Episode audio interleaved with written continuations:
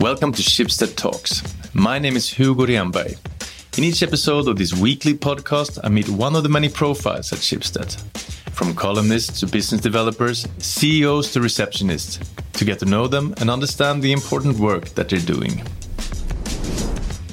In this episode of Schibsted Talks, CEO Christine Skogen Lund tries to explain the very soul of Schibsted. She talks about fighting the social media giants, building a media powerhouse with Bonnier, and at the end of the interview, the opera lover Christine actually sings a little. Christine Skogen Lund, welcome to Schibsted Talks. Thank you. It's early Monday morning. How are you doing? I'm okay. I've been here over the weekend, so I didn't fly this morning, so I'm okay. And what brings you to Sweden overall this time? So I had uh, many meetings here on Friday, both with investors and Sweden management and the leadership group at Aftonbladet. And then I've been attending a conference over the weekend. And then we are actually here with the whole Schibsted management team today and tomorrow. Okay. And how, how often do you come here?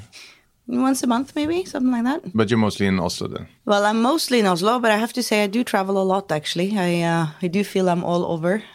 All over the place. Yes, it takes a lot of time to deal with our investors, and you have to once a quarter. I have to travel both to London and, and New York, so that takes up some time. What would you say is the soul of Schibsted? I think the soul of Schibsted comes from um, production and communication of trustworthy information. I think that's if I should sort of choose one thing that we are all about is that. Yeah. And of course, accompanied by a fantastic sense of uh, entrepreneurship and uh, anarchy somehow, maybe. Not anarchy, it's not the right word, but, you know, something about us being quite independent. And I like yeah. that about Schibsted, you know? It's not so conform. You used to work, here, you worked there for 12 years earlier. That's right. Mm-hmm. And you've been named the most powerful woman in Norway. So basically, you could choose whatever job you like, but you chose to come back to. Mm-hmm. Uh, and why is that? Well, first of all, it's not exactly like you can choose anything you want. and Almost. It's not like that. And there are not so many jobs like this either, you know? But to be honest with you, I had never, it had never even crossed my mind that I would uh, come back. It wasn't something I ever thought of. But when that phone call came one day, uh, it didn't take me very long to sort of feel very good about it. It's something about coming home. And I like that. You know, I like having uh, grown up in Schibsted in many ways. And although it's changed a lot since I left in early 2010, it's that soul we spoke about, it's still the same. Yeah. It's like a person you know, despite having developed different ways for the last years. So I, I like that. Yeah, it's like coming home. I, I feel for it. I care about it, and I find it very uh, purposeful. You talked about this anarchy thing. You're up against Facebook and Google, sort of a bold move. How's that fight going? It's going reasonably well. I mean, it's tough, of course, but I would say it's uh, less gloomy than we feared a few years back. We thought, you know, Facebook marketplaces would take over. We thought it would be hard for us to remain destination sites in our own right within the media. And uh, yeah, I think we thought the paper would be dead by now. So it's all gone a bit better than we feared. And uh, I think we have uh, shown very strong resilience and ability to constantly improve ourselves, be an alternative, you know, even within the very hard and tough advertising business. Schibsted is the represents the only real alternative to Google. Yeah. And I'm very proud of that. And and it's I know it's really it's tough and it's also really tough for the people fighting that every day, but uh, but we manage it and it's so important that we do. So is that important, having an arch enemy like that? Look, I'd rather they were not there. so uh, I don't know if I should say uh, that's it's not a good thing. I I'm, I really worry about the impact they will have, and and that goes so far beyond the media industry. I think we're not too far from them penetrating health services and education and infrastructure and financial systems, and it's going to shake our national states in the end. You know, that's what we're up against. This is so huge, and it's way bigger than our industry. Yeah. It But was easier to- when we just Bonnier was the enemy. Yes, it was a lot easier. And sometimes I wish maybe uh, the media industry, including Bonnier, could realize that we are not each other's enemies anymore. You know, we have common enemies now, and we need to uh, act accordingly. We should cooperate, for example, on advertising infrastructure, and then we can compete about the sales, of course. But the infrastructure should be more combined. We should make national powerhouses uh, to be even stronger. And are you reaching out to them?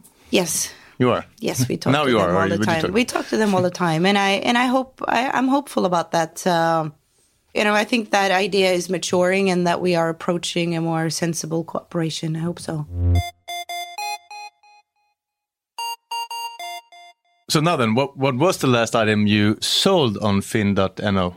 Yeah, you know what? I wasn't very. Finn is fantastic. Okay, it works really well, but I tried to get rid of a sofa, and uh, that proved very difficult. And the sofa was actually quite nice, I have to say. So I don't know. I No one bought it. No, no one wanted to buy it, and we we ended up giving it away. So you're the mother of two twin couples. Yep. You're the CEO of Schibsted. Yeah. A lot of leadership. How would you describe your leadership? It's uh, being a CEO and being a mother are two different things. First of all, it's harder to be a mother than a CEO. it is why? well, it's different because it's more it's more emotional and uh, it requires uh, different skills. And I think the the requirements are somewhat tougher. It might sound strange, but uh, and you are certainly judged harshly every day as a mother. but I don't know if they're some of the same skills. I mean, you need to be uh, patient and sometimes wise, and uh, I think it's about communication. Both things, you know, it's uh, it's about making the people around you understand why you want them to do certain things and why Yeah. that's meaningful, and If hopefully if get I them to to ask- understand they should do it. You know. If I were to ask some of your colleagues uh, what three things about you would they say about your leadership? I think they would describe me as very open and transparent, that they always know where I am, what I want. Um, I am uh, quite energetic, you know, I'm, I'm inquisitive in the sense that I never walk around thinking I know the best and have the right answer because I very rarely do. It's always someone else around me who knows more about something and mm. can give better input. So I think I'm quite outreaching in that sense. I hope they would say that. Mm. So I want you to be my Oslo guide. Schibsted just bought a great tech company. You're going to go out to celebrate. Where do you go?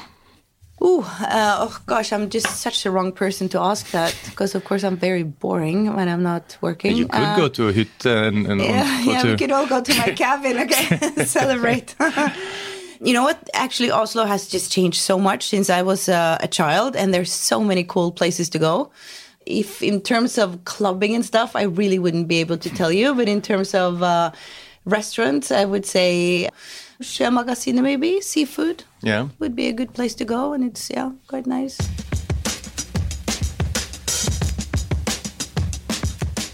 The balance between media, marketplaces, you have new tech ventures. That sort of balance that we have right now in Schibsted, will that change or will it stay the same? Well, you know, the ambition is to grow all these areas. Yeah. And I hope we will be able to do that. I hope one day we will also go from a main focus on transition within the media to actually have a focus on growth and, and you know, cut new terrain in media. That would be wonderful. That that would be super. We're not quite there yet, but I hope we will get there. But hopefully we will manage to keep the balance by growing uh, all of them within the marketplaces, I think that's where most investors expect us to grow and would see us to grow. And there are some further opportunities, especially here in Sweden and also in Finland. Their mandate is really to find our new growth, right? So, Yeah. in a way, I hope that next is a lot bigger than today a few years from now because that means that they have really succeeded with that. Mm-hmm. I think financial services has a tremendous potential and I really hope some of our new venture companies will will prove to be new business areas one day and then finally I would like to mention our distribution business which is actually the part of Schibsted that grows the fastest right now. I think that's super cool. Mm. One of the sort of most legacy part of Schibsted is actually the one that's transforming us the most right now. What areas are you looking into? Fintech companies, which area do you find most interesting right now? Right. So we're both expanding it geographically into Yeah. new countries in Europe. Plus, we are looking to expand it because now it's been very consumer oriented. I think we could do more towards small businesses. And I also believe we can uh, expand the whole portfolio to new concepts. There is so much opportunity in that space right now, and the Nordics are really far advanced. And it's a good fit with our portfolio. Some of these concepts are really well fit to, for example, be integrated into our marketplaces. The you know Bink and Blocket is a great example of it.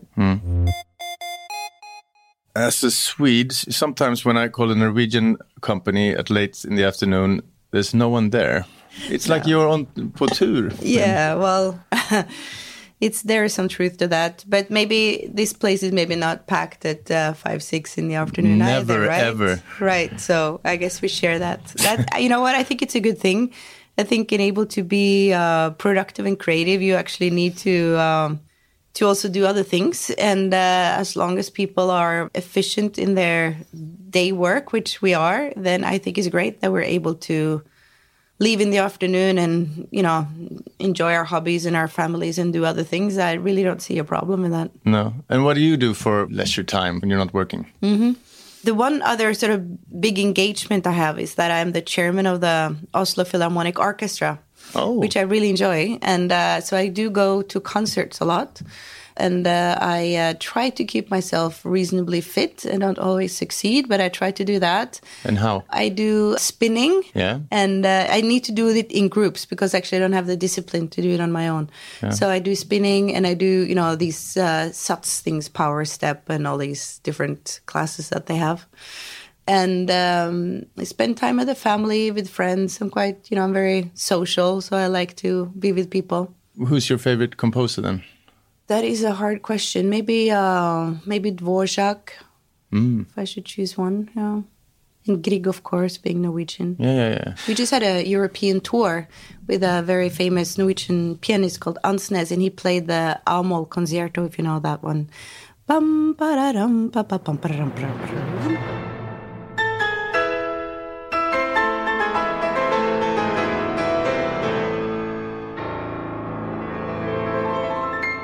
So we have Swedes, Finns, Norwegians, and we're in Poland as well, Schibsted, right? Mm-hmm. But a lot of Swedes and a lot of Norwegians, and there are some sort of rivalry. Who's the easiest to be leader of? What's the difference leading Swedes and Norwegians? Yeah, there are some differences. I think the you know the Swedes take a while to agree, but once they do, they are quite sort of consensus oriented, and then they move in that direction. I think the Norwegians take more what we call omkamper. You know, they like constantly Challenge you? Or? yeah, more. I mean, they don't um, conform as easily.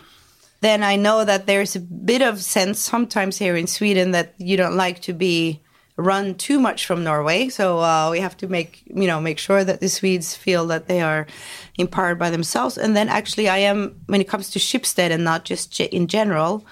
I am uh, impressed by the cooperation you have across all the companies here in Sweden. You know, the so-called ecosystem is much stronger here, and I think that's a great benefit. And I think we in Norway should really learn from what you have achieved there.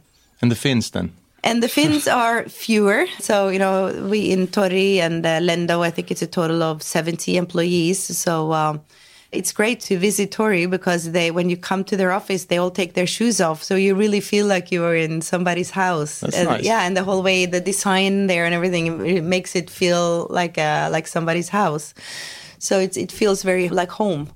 But the Finns, I think, are really eager to get more involved. And uh, I think they have felt that they have been a bit at the outskirts of Schibsted, and we need to make sure to pull them more into our center of things because there's so much going on in in Finland and in Helsinki in particular, and especially within the startup scenes. You know, I think it's very it would be very good for us to to have a stronger presence there. So we're working on that. So 20 years from now, you're retired, maybe. Mm-hmm. I hope so. Looking back, what will you be most proud of?